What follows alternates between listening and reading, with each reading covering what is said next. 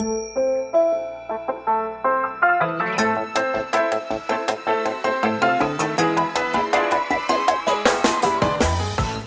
lieve luisteraars, welkom bij de Stories of Inspiration podcast van What's Your Story. De podcast waarin ik jou laat horen dat er achter ieder gezicht een inspiratiebron schuilt. En waarin ik jou heel veel tips ga geven over hoe jij meer naar buiten kunt treden met jouw authentieke verhaal. Heel veel plezier met luisteren en na afloop ben ik onwijs benieuwd wat je ervan vond. Stuur me een berichtje via Instagram als je wil reageren, als je vragen hebt of als je jouw verhaal ook zou willen delen. Veel plezier met luisteren!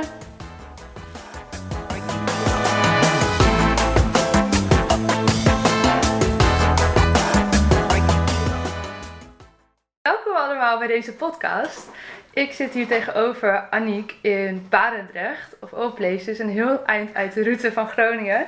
Ehm, en ik zeg wel welkom bij deze podcast, maar eigenlijk eh, ja, ben ik bij haar thuis. Dus misschien, uh, Aniek, welkom aan, eh, aan alle luisteraars vanuit jou. En ik heb Aniek ontmoet via Instagram. Ja. vanaf, nou, ik denk een week of vier, vijf geleden of zo, misschien iets Nou, langer. Je post dat je een oproepje deed, ehm, dat je op zoek was omdat je een magazine wilde maken. Oh ja, Toen. van de sporters. Ja. Ja, nice.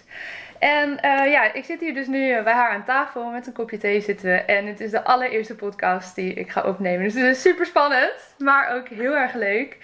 Ehm, en ik wil jullie graag eh, voorstellen aan Aniek. Want zij heeft ook een cadeautje in haar leven gekregen waar ze niet op zat te wachten. Misschien heb je mijn Instagram post al voorbij zien komen over de cadeautjes in je leven die je eigenlijk liever niet had gewild. Nou, zoals de meesten van jullie weten, is mijn cadeautje in mijn leven eh, de reuma. En ik ben het langzamerhand aan het uitpakken. Maar Aniek, misschien kun jij eh, jezelf met je voorstellen en vertellen over het cadeautje in jouw leven waar je niet op zat te wachten. Yes. Nou, ik ben Aniek. Eh, ik ben 26 jaar en ik heb bij mijn geboorte van mijn ouders een cadeautje gekregen. Ehm, het is een genetische aandoening. Ik heb het syndroom van Ehlers-Danlos en daarbij heb ik gastroparese. Eh, dat is mijn cadeautje waar ik niet helemaal op zat te wachten, maar die ik ondertussen wel eh, redelijk heb uitgepakt in mijn ogen. En voor onze niet-medische luisteraars, wat heb je dan precies? Nou, het syndroom van Ehlers-Danlos betekent eigenlijk simpel gezegd dat mijn eh, bindweefsel niet helemaal goed is aangelegd. Dus dat is eigenlijk te los, waardoor mijn gewrichten makkelijk uit de kom gaan. En nou, daardoor krijg ik makkelijk ontstekingen, subluxaties. Maar ook mijn maag doet mee, dus daarom gastroparese. Gastroparese betekent letterlijk maagverlamming. Dus ik heb periodes dat ik niet kan eten, maar gelukkig zijn er bij mij ook periodes dat ik nog wel kan eten, die niet iedereen heeft eh, met deze aandoening. En hoe, hoe gaat dat dan als je niet kan eten? Ik bedoel, waar, hoe, waar leef je van en, en hoe werkt dat dan? Nou ja, op dit moment heb ik ook een periode dat ik niet kan eten, dus dat is een mooi voorbeeld. Ehm, ik heb op dit moment drinkvoeding, Ehm, maar ik kom maar tot maximaal twee flesjes per dag, dus ik krijg op dit moment echt eigenlijk te weinig voeding binnen. Maar eh, ja, ik doe heel erg mijn best om dat op te hogen. Ja. Maar en merk je, hoe merk je dat dan in het dagelijks leven? Voel je dan ook veel minder energie, kan ik me voorstellen? Of hoe, hoe werkt zoiets? Ja, nu op dit moment, dus tijdens zo'n opvlamming, eh, heb ik wel echt minder energie. Dus dan eh, merk ik dat ik bijvoorbeeld de ochtenden vaak rustiger aandoe. Plan ik wat minder Mhm. afspraken in. Ehm, zodat ik wat meer tijd voor mezelf heb. En niet al mijn energie in één keer uitgeef. Ja. En ja, zo deel ik mijn dag gewoon wat anders in nu op zulke momenten. Ja. Zo, dat lijkt me best eh, gek, want dan eet je ook geen... eh, ik, bedoel, ik geniet altijd heel erg van mijn ontbijtje en zo, maar dat, dat zit er dus dan voor jou niet in. Nee, mijn ontbijtje is een flesje drinkvoeding en daar Ja. geniet ik niet heel erg van. Nee. Het is niet heel lekker. Nee, want waar, waar smaakt zoiets naar? Nee, dat is met niks te vergelijken. Oké, mensen die drinkvoeding hebben gehad, die weten wel wat ik bedoel. Maar Ja. het is echt niet heel lekker. Nee. Daar moeten ze nog eens wat op eh, verzinnen. Ja. Hey, en je vertelde dat je je cadeautje dus eh, al wel aardig aan het uitpakken bent, of hebt uitgepakt. Ehm, kun je ons een beetje meenemen in het proces? Want je bent hier echt mee opgegroeid. Ja. Hoe ging dat dan Nou ja, ik, moet, je jeugd? ik ben ermee opgegroeid, maar ze zijn er wel pas achter gekomen op mijn negentiende wat het nou precies was. Dus Mhm. ehm, nou ja, als kind was ik gewoon vaak ziek. Ehm, daardoor miste ik ook best wel regelmatig gewoon school, omdat ik dan weer een week ziek thuis was. En ja, dan wisten ze gewoon niet waardoor dat kwam. Nou, achteraf gezien bleek dat dus Mhm. dit te Ja. zijn waar ze nu zijn achtergekomen. Ehm ja, dus dat was als kind wel lastig. Ik denk dat dat nog lastiger was toen ik op MBO zat. Ehm, ja, toen zeg maar kreeg ik op een gegeven moment te horen van ja, je kan deze opleiding toch niet doen. En, Want welke opleiding deed je? Ik deed de opleiding SPW. Ik wilde Ja. De kinder, ja, tenminste, ik wilde iets in de kinderopvang gaan doen. Eh, ik wilde wel nog verder gaan studeren pedagogiek. Ja. Maar ehm, ja, ze hadden vanuit de opleiding zoiets van ja, dat kan jij toch niet. Want eh, ja, lichamelijk gezien ga je dat gewoon niet redden. En hoe was dat dan voor jou om dat te horen van Nou ja, mensen? toen op dat moment zeg maar, heb ik daar heel veel last van gehad. Ehm, ik denk dat ik daar een aantal jaar wel last van heb gehad hoor. Dat is niet vanzelf overgegaan. Ehm, maar goed, weet je, ja, ik ben verder gegaan, andere opleiding gaan doen. Ja. Noodgedwongen. eh, opleiding die eigenlijk helemaal niet bij me paste. Wat ging je doen? Managementassistent. Ja. Nou, dat past dus echt niet bij me. Dat eh, kan ik niemand aanraden. Nee, er zijn vast mensen die het heel leuk vinden, maar nee, ik vond het gewoon echt niet leuk. De opleiding is wel afgerond hoor, dus eh, ik heb een papiertje gehaald. Maar ja, dat is altijd blijven knagen zo'n beetje van ja, ik wil wel iets met kinderen doen, maar hoe ga ik dat nou doen? Ehm, Ja, want nu eh, ben je wel, nou niet met kinderen, maar met jonge vrouwen bezig, toch? Vanuit je eigen Ja. bedrijf, want je bent als ondernemer gestart. ja, klopt. Ik ehm, heb vorig jaar november de specialisatie tot meisjescoach afgerond bij Elska. Ja. En ja, nu werk ik dus, nou voornamelijk komen er eh, vrouwen vanaf 16 jaar tot eh, half de 20 ongeveer. En die begeleid ik online eh, om te kijken wat hun dromen zijn en eh, hoe ze daar kunnen komen. Ja, Want het, want- zeg ja, weet je, ik heb wel ontdekt dat je wel gewoon kan blijven dromen als je gewoon ja, ziek ja, bent. echt. Ja. Ja, zeker, juist. Ja. Ja, Maar de weg er naartoe is gewoon wat anders. ja je moet wat hobbels Ja. nemen, ja. Dus ja. Want zou je daar eens eh, een voorbeeld van kunnen geven? Misschien zonder naam en toenaam natuurlijk. Maar hoe, hoe gaat dat dan in zijn werk? Zo'n eh, meisjescoach ben je, maar een Ja. jonge vrouwen die komen dan bij je. ja. Wie, wie zijn die vrouwen en wat, eh, wat doen ze over het algemeen? Nou, ik doe het voornamelijk via Skype. Dus Ja. het gaat online. Omdat, weet je, als je chronisch ziek bent, dat zou jij waarschijnlijk ook wel ja, herkennen. zeker. Is reizen niet altijd even makkelijk. Nee, Ehm, absoluut. En daarom doen we het online. Dus nou ja, goed, dat zijn vrouwen vanuit heel Nederland die Ja. gewoon bij mij dan komen. Ja, niet echt komen, maar nee, online. maar online komen, ja. Ja. precies. En dan gaan we gewoon kijken. En eh, nou, daar heb ik ook wel verschillende oefeningen voor die ik met ze doe. En dan gaan we gewoon kijken van, nou, wat wil ik nou in mijn leven? En ehm, kijken wat hun dromen zijn. Dat klinkt natuurlijk een beetje vaag, maar... eh, ja, maar het is wel heel mooi, want als je het zo zegt, begin je zelf ook te stralen. Ja. En juist doordat je misschien je eigen droom daarin nu wel echt volgt. Ja, en ik wil Eh, dat iedereen dat kan, Ja, maar. precies. En, ja, eh, super mooi. Ja, niet dat er een soort van blokkades worden opgelegd door bepaalde mensen. Want ja, jij bent ziek, dus jij kan dat niet. Ja, dat is ja, gewoon ja, onzin. ja. Maar dan eh, gaan we dus kijken en als ze dan duidelijk hebben voor zichzelf van, nou, dit is mijn droom en dit wil ik super graag. Nou, oké, hoe gaan we daar dan komen en hoe gaan we daar naartoe? Ja. welke stappen moet je nemen en eh, ja, hoe gaat dat? En dan ook uitleggen, ja, weet je, als pad A niet werkt, nou, dan kijken we naar pad B. En eh, ja, mocht dat niet gaan, dan is er altijd nog een optie C. Ja, Ja, precies. Ja. Ja. Ja, en hoe pakt dat dan vaak uit voor die, voor die meiden? Want ik kan me voorstellen dat het voor jou natuurlijk ook best spannend is. Want ja, je kan nog wel die droom hebben, maar je hebt ook eh, te maken met je gezondheid. Eh, hoe gaat het dan in de praktijk? Merk je dat het lukt bij de jonge vrouwen? Nou, vaak doe ik zeg maar de dromen een beetje opdelen in kleinere dromen. Ja. Oh, dat is trouwens een hele goeie, hè? Want, Om, ook voor degenen die nu zitten te luisteren. Want ja, zeker als je net op begint als ondernemer, dan, eh, dan lijkt het soms heel veel en eh, groot en soms onmogelijk Ja. om het echt op te knippen in kleine stukjes. Ja. En ook de kleine successen te vieren. Ja, inderdaad. En gewoon echt, hè, als je zo'n klein stapje hebt behaald, gewoon inderdaad, maak daar een feestje van. Vier dat voor jezelf. Doe wat, hè, eet een stuk taart. Of eh, drink een glas wijn of wat dan ook. Ja, ja. Ja, hopelijk mag dat gauw weer dan. hopelijk lukt het Ja, zo, ja. ja, precies. Ja, dat is inderdaad zo belangrijk. En dat maakt het ook veel leuker. Ja. Ja, gaaf. Want je vertelde net eh, al even over het cadeautje wat je zelf nou, steeds meer aan het uitpakken bent. Hoe heb je dat zelf gedaan? Hoe is dat proces gegaan bij jou? Nou, ik heb, ben sowieso van mezelf al heel positief ingesteld. Dus zeg maar, het glas is bij mij altijd half vol en niet half leeg. Eh, ik denk dat dat me wel heel erg geholpen heeft. Maar ik heb dat niet helemaal alleen gedaan. Want ik heb verschillende revalidatietrajecten gehad. Waarbij ook gewoon een psycholoog aanwezig was. En Ja. ja, ja vanuit daar heb ik ook wel verschillende handvaten gekregen. eh, die mij geholpen hebben om eh, me verder te ontwikkelen. Zou je daar eens wat voorbeelden van kunnen noemen? Nou, ik zit nu echt heel erg te denken. Wacht even, dit moet je eruit knippen. Bij mijn laatste revalidatietraject ik echt een, een rot psycholoog. Die zei, ja, het zit allemaal tussen je oren en het is allemaal nep. En, eh, Oh, dus, nou ja, goed. Dat was geen goede match. Maar ik zit even te denken. ehm eh, Eén opdracht die mij heeft geholpen was een brief schrijven aan mijn, eh, over mezelf. Over mijn situatie. En over hoe ik me daarbij voelde. En dat was gewoon voor mezelf die brief. En daar hoefde Ja. ik verder niks mee te doen. En toen op een gegeven moment moest ik die brief meenemen. Heb ik die toen voorgelezen, zeg maar, bij de psycholoog. En toen heb ik die later, was dan de opdracht van, nou, je mag die brief gewoon verbranden. Oh ja. en dan ja. laat je het gewoon los, zeg maar, dat Ja. stukje van jezelf. En dat, ja, dat hielp mij, hielp dat heel erg. Dus dat is best wel redelijk simpel. Dat kan je thuis dus ook gewoon doen. Ja, dat kun je echt zo doen. Ehm, maar dat heeft mij wel echt geholpen. Ja. Ja. Ja, oh, dat vind ik echt heel leuk dat je dat als voorbeeld aangeeft. Want ik heb in sommige van mijn trainingen, doe ik dat ook met mensen die eh, bezig gaan met hun eigen verhaal. En dan schrijven we altijd een brief eh, over iets, of aan zichzelf, of aan iets of iemand. eh, van nu is het klaar. En dan die brief schrijven en dan ofwel verscheuren, als we het niet in de fik kunnen zetten.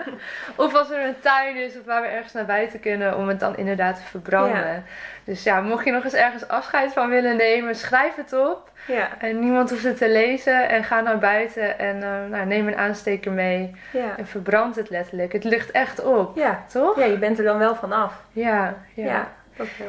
Hey, en we spraken elkaar ook al even voordat we hier nu bij elkaar zitten. En je vertelde ook eh, over hoe slecht het soms met je is gegaan en dat je ook een tijd in een rolstoel hebt gezeten.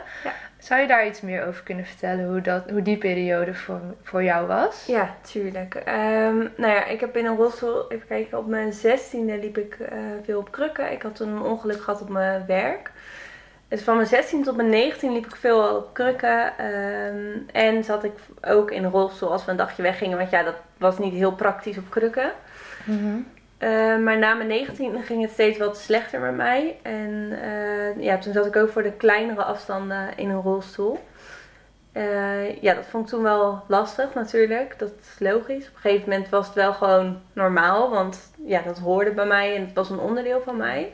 Zou je dan een situatie kunnen beschrijven dat je echt dacht, oh, dat was echt niet leuk? Oh, ik weet nog in de kruidvat. Dat was echt heel erg. Want toen zat ik nog niet zo heel lang in een rolstoel. Ik denk dat ik misschien 17 was ongeveer.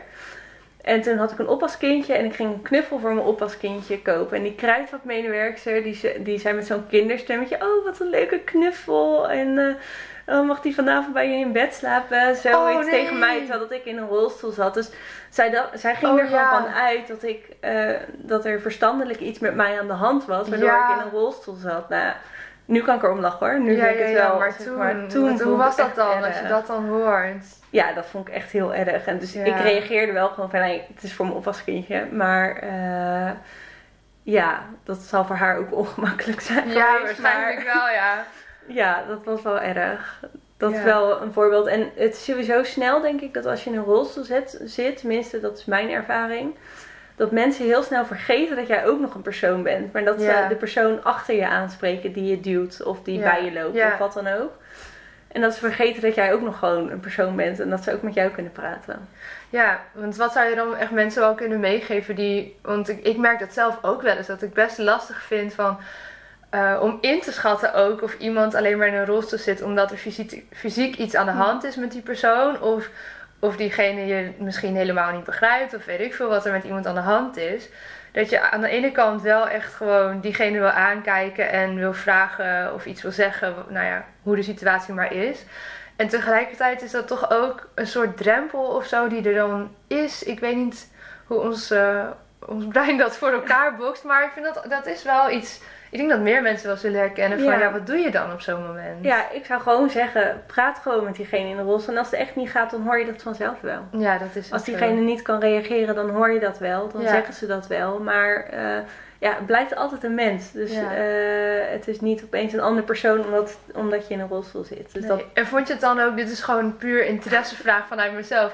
Vond je het dan ook heel irritant als mensen je op straat aankijken en een glimlach geven? Of is dat dan juist, want als je voorbij loopt doe je dat ook wel bij Ja. mensen. En dan denk ik, ja, kijk ik nu naar die persoon omdat, om het kijken Ja. en lach ik dan daarbij? Of is het gewoon vriendelijk? ja, nou, ik vond het zeg maar ongemakkelijk. En nou, die mensen die gingen lachen, dacht ik nog aan, nou oké, dat is dan in ieder geval nog vriendelijk. Ja. Maar je had ook mensen die gewoon heel lang bleven staren. Zo van, Oh wat, ja, zou, wat oh zou zij ja. hebben? Waarom zit zij in een rolstoel? En dan, Dan kun je beter maar gewoon vragen ja, dan kun je niet. beter Ja. vragen. En dat vond ik erger. Die mensen die heel erg staarden. En als je dan in ieder geval nog naar me lacht, dan denk ik zo, nou ja, oké, dan probeer je nog contact te Ja, maken. ja, ja, dat is precies. oké. Ja.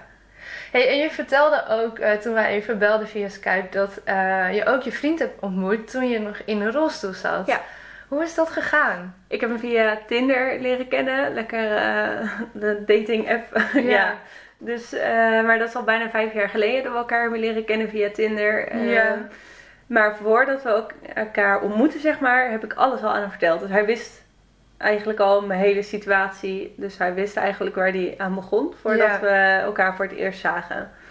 Dat heb ik heel bewust gedaan. Want ik heb, ja, weet je, dan bescherm je jezelf ook een soort van. Ik heb zoiets van, ja, als iemand me niet wilt, eh, hè, met alles erbij, dan Precies. spreek ik liever ook niet af. Ja. Dan, eh, En hoe was dan die eerste ontmoeting? Hoe ging dat? ja, dat was gewoon heel leuk, want ondertussen hadden we al gebeld. En ja, weet je, het, het voelde al gewoon alsof we elkaar al heel lang kenden. Dus ehm, ja, tuurlijk was het een beetje spannend. Want je denkt toch van, oh nee, als ik maar niet gecatfished word. Want dat hoor je best wel vaak natuurlijk. Het was bijna onmogelijk, omdat ik wel gewoon foto's... Ik had hem gewoon wel al Ja, gezien. ja. Maar ja, je weet het niet. Het kan altijd. Ja, precies. Dus, maar dat was niet het geval. Gelukkig maar. Want inmiddels zijn jullie al vijf jaar samen, ja, zei je? bijna vijf jaar geleden is dit. Ja, Ja, ja, wauw, echt mooi. ja. Maar ik kan me ook voorstellen dat het best wel lastig kan zijn als je in een relatie zit en dat je toch afhankelijk bent van die rolstoel en niet zo flexibel bent. Ja, ja, inderdaad. Ehm, ik, ja, voor mij was het wel natuurlijk normaal. En ik denk dat het voor mijn vriend ook normaal was. Maar nu ik mijn rolstoel niet meer nodig heb, eh, kom je er eigenlijk pas achter hoe onhandig sommige situaties waren. Ja. Ja. Want wat zou je bijvoorbeeld mee willen geven of mee kunnen geven? Ik weet niet of er luisteraars zijn op dit moment die in een rolstoel zitten of hè, die gewoon fysiek eh, het zwaar hebben door een ziekte of blessures. Ehm, er zijn vast nog meer jonge, knappe, vrijgestelde vrouwen die ook denken: ja, maar ik wil ook gewoon die leuke vriend. Het is jou toch gelukt terwijl je in een rolstoel zat. Ja, het klinkt alsof het een hele prestatie is, maar ik kan me voorstellen dat het toch iets lastiger is. Wat zou je eh, willen meegeven aan deze? Nou, ik denk gewoon, wees jezelf, maar ook gewoon wees open over de situatie. Want ik denk, zolang je zelf open bent, dat er gewoon zoveel mogelijk is. ehm, en dat mensen daar ook echt wel respect voor hebben. Ik denk, ja, dat is in mijn opzicht het belangrijkste. Ja. Gewoon openheid en eerlijkheid. En dan, eh, dan kom je het verste. Ja, mooi. Want nu inmiddels loop je weer alles of nagenoeg alles. Ja, Hoe is dat? eh, het klinkt als een soort van wonder. Hoe is dat gegaan? Ik bedoel, je zat in die rolstoel en nu, Nee. ja, je hebt gewoon, eh, je loopt weer. ja, nou ik moet zeggen, zeg maar, eh, ik heb een hond gekregen toen we hier kwamen wonen. Wat me verplichtte om te gaan lopen. Die overigens echt te schattig voor woorden is. Het is echt een super lieve fluffy knuffelhond die hier nu bij ons ligt. Ja, dus dat verplichtte me echt om naar buiten toe te gaan. Ehm, en dat begon met hele kleine stukjes. Dus dan liep ik echt kleine stukjes. Maar dat is gewoon langzaam opgebouwd. En ik heb revalidatie gehad waarbij ik ook eh, ja, therapie heb gehad om weer meer te gaan lopen. En dat is allemaal langzaam opgebouwd. En sinds dat ik BTSAF-injecties krijg, want ik bleek ook een tekort te hebben, ehm, is dat bij mij echt nou, met sprongen vooruit gegaan. Dus nu eh, kan ik weer eigenlijk alles zelf lopen. Dus de rolstoel staat in de schuur. En dat, ja, dat had ik niet verwacht dat Wauw. nog ging gebeuren. Het is En- echt puur door het B12 tekort, Ja, nu en- dus niet meer een tekort is, Nee. ja, kan je gewoon weer lopen. Ja. Dus, maar ik blijf wel de injecties krijgen nu. Dus Ja. dat, dat wel. Maar ja, dat heeft me zoveel gebracht. Dat, eh, Maar en wanneer zijn ze daarachter gekomen? eh, vorig jaar februari ongeveer. Maar Dus wacht ben ik heel even, want je bent nu 26. Ja. En vanaf je 19e ben je al echt aan het kwakkelen met je gezondheid. En eigenlijk al daarvoor. Ja. Hoe kan het dat ze daar nu pas achter zijn gekomen? ja, ik denk op mijn huisarts in Zeeland, die heeft daar niet zoveel, eh, niet zo goed op gelet. En de huisarts hier wel. Dus dat is heel fijn. Ja. Ja. Wow, dat is, eh, ja, daar ben ik even een beetje stil van. ja, dat is echt best wel, want B12 kun je toch, ik, ben helemaal niet medisch opgeleid of zo hoor, maar dat, dat is toch vrij makkelijk om, om te checken of je dat... Ja, dat haal je gewoon uit je bloed. Dus dat is eh, redelijk makkelijk, ja. Maar hoe was, ja, hoe was dat dan om dat te horen? Was je dan, ja, ik snap opgelucht Nou, misschien, maar was je niet ook boos of verdrietig? Nee, ja, op dat moment dacht ik wel van, oh ja, zie je nou wel, zo zeg maar. Ja. Maar eh, ik was vooral wel blij dat er iets aan gedaan kon worden. En dat het me, zeg maar, want in het begin wist eh, de huisarts hier ook niet wat het me zou gaan brengen. Nee. Dat is altijd maar afwachten. Want bij de een doet het heel veel en bij de ander, ja, die merkte nauwelijks iets van. Nou ja, bij mij heeft het dus heel veel gebracht. Dat heeft wel eventjes geduurd, maar eh, ja, nu eh, helpt het heel super, zeg maar. Ja, Daar ben ik echt, heel blij wat mee. fijn. Ja. Echt Ja. onwijs fijn. En ik kan me voorstellen dat dat nu dan ook jou ja, de mogelijkheid geeft om het werk te doen wat je doet. En om Ja. deze jonge vrouwen Ja. daar ook weer bij te kunnen Zeker. helpen. ja. Ja. Want als we nu nog even teruggaan naar nou ja, jouw cadeau waar je niet op zat te wachten. Ehm, je bent hem aardig aan het uitpakken. Wat heb je er allemaal nu uitgehaald als je zo een beetje terugblikt? gewoon uit mijn cadeau, ik denk voor mezelf, ik denk dat ik er vooral heel veel kracht uit heb gehaald. En juist extra eh, motivatie om eh, te laten zien wat er allemaal wel mogelijk is en wat er allemaal wel kan. Want dat is ook heel veel. Alleen eh, mensen denken heel erg in beperkingen, zeg maar. Dus dan zien ze de mogelijkheden niet meer, terwijl dat er nog genoeg wel kan. Ja. Dat, ja. En merk je dan ook juist doordat je bent gaan uitspreken en die, die dames ook helpt om dat uit te spreken, wat ze nog graag willen bereiken en wat er nog wel kan, dat het dan ook juist in een soort van stroomversnelling komt? ja, ik denk dat dat, steeds, hè, dat dat mij steeds meer kracht geeft. Ja. Maar ik denk ook dat dat andere vrouwen weer extra kracht geeft. Ja. Om te zien van ja, het kan wel, het is wel mogelijk. En dan, ja, weet je, gewoon even aan iedereen laten zien van ik kan het wel en ik kan het wel zelf. En Ja. eh, zoeken jullie het maar lekker uit met Ja. jullie mening, ja. ja, want heb je daar last van, van mening van anderen of valt dat nu wel eh, Nee, nu op dit moment valt het wel mee hoor. Maar eh, ja, tuurlijk, weet je, bijvoorbeeld bij UWV, ik weet niet of je dit mag zeggen in je podcast, maar daar hadden ze zoiets van. Toen was ik, ik ben gedeeltelijk afgekeurd, Ja. ook rond mijn negentiende. En eh, toen hadden ze zoiets van, ja, ja je, kan, je zou op papier nog kunnen werken, maar we hebben eigenlijk geen baan die bij je past. Eh, dus we weten niet wat je kan Maar dat doen. is best heftig om te horen, toch? Als je 19 bent, lijkt me. Ja, maar ja, op dat moment was ik ook echt wel eh, best wel erg ziek. Ja, Ehm. Dus het gaf ook wel een stukje rust dat ik een Ja, uitkering ja. kreeg. En eh, dat was toen wel fijn. Het uitpakken van je cadeau waar je niet op zat te wachten gaat vaak met vallen en opstaan. Maar er is zoveel jaren later ook veel om mee te geven aan iedereen die nog midden in het proces zit. Je moet er doorheen. Zelf heb ik het enorm gemist om voorbeelden te zien of horen van andere jonge mensen die met een soortgelijke situatie te dealen hadden. Ik vroeg aan Aniek wat zij zou adviseren. Ja, ik denk zeg maar dat het goed is om te zeggen. Want hè, als je er middenin zit, dan denk je misschien van... Oh, ik heb zoveel slechte dagen en eh, hoe moet dat nou? En eh, krijg ik ooit nog goede dagen? Maar ik denk dat het belangrijk is dat je ook toegeeft aan die slechte dagen. En dat je ook gewoon denkt van... Oh ja, maar ik mag nu een dagje me slecht voelen. Ja. En ik mag nu gewoon een dag of in bed liggen of op de bank en onder een dekentje. Ik mag verdrietig zijn. En ja, sta dat ook toe bij jezelf. Want ik denk dat Ja, heel veel dat mensen dat vergeten. mooi. Want eh, hè, je hamert heel erg op het positieve altijd. Ja, Maar ja, er zijn ook dagen die niet zo positief zijn. En die mogen er ook zijn. ja precies. Ja, dat je zelf echt die ruimte gunt. Ja, want dat is ook zelfzorg. En dat is ook voor jezelf zorgen. Door, hè, Ja. door gewoon die momenten te pakken. Ja. Ja. ja, super dat je dat nog even benadrukt zo op het laatste. Want ik denk inderdaad, ook als ik naar mezelf kijk, dat dat zo belangrijk is om daarnaar te luisteren en niet alleen maar door te gaan in je ambitie. Want je hebt er nu eenmaal mee te dealen. Ja, ja. dat hoort Ja. erbij. Ja. Ja, het hoort erbij, inderdaad. Ehm, nou, daarmee gaan we dan de aller, aller, aller, allereerste podcast, Ja. eh, cadeautjes podcast, eh, afronden. Ehm, ik wil je onwijs bedanken voor je verhaal en je inspiratie hopelijk voor velen. Ehm, en ik wil jullie luisteraars ook bedanken dat jullie helemaal tot het einde van deze eerste podcast hebben geluisterd. Want ik vind het echt, vond het best wel spannend toen ik hier eh, aan begon. Maar de eerste zit erop en Ja. het kan nu alleen maar beter en makkelijker worden. Ja, dat was hem weer voor deze keer. Dankjewel voor het luisteren en ik hoop dat je hebt genoten van deze podcast.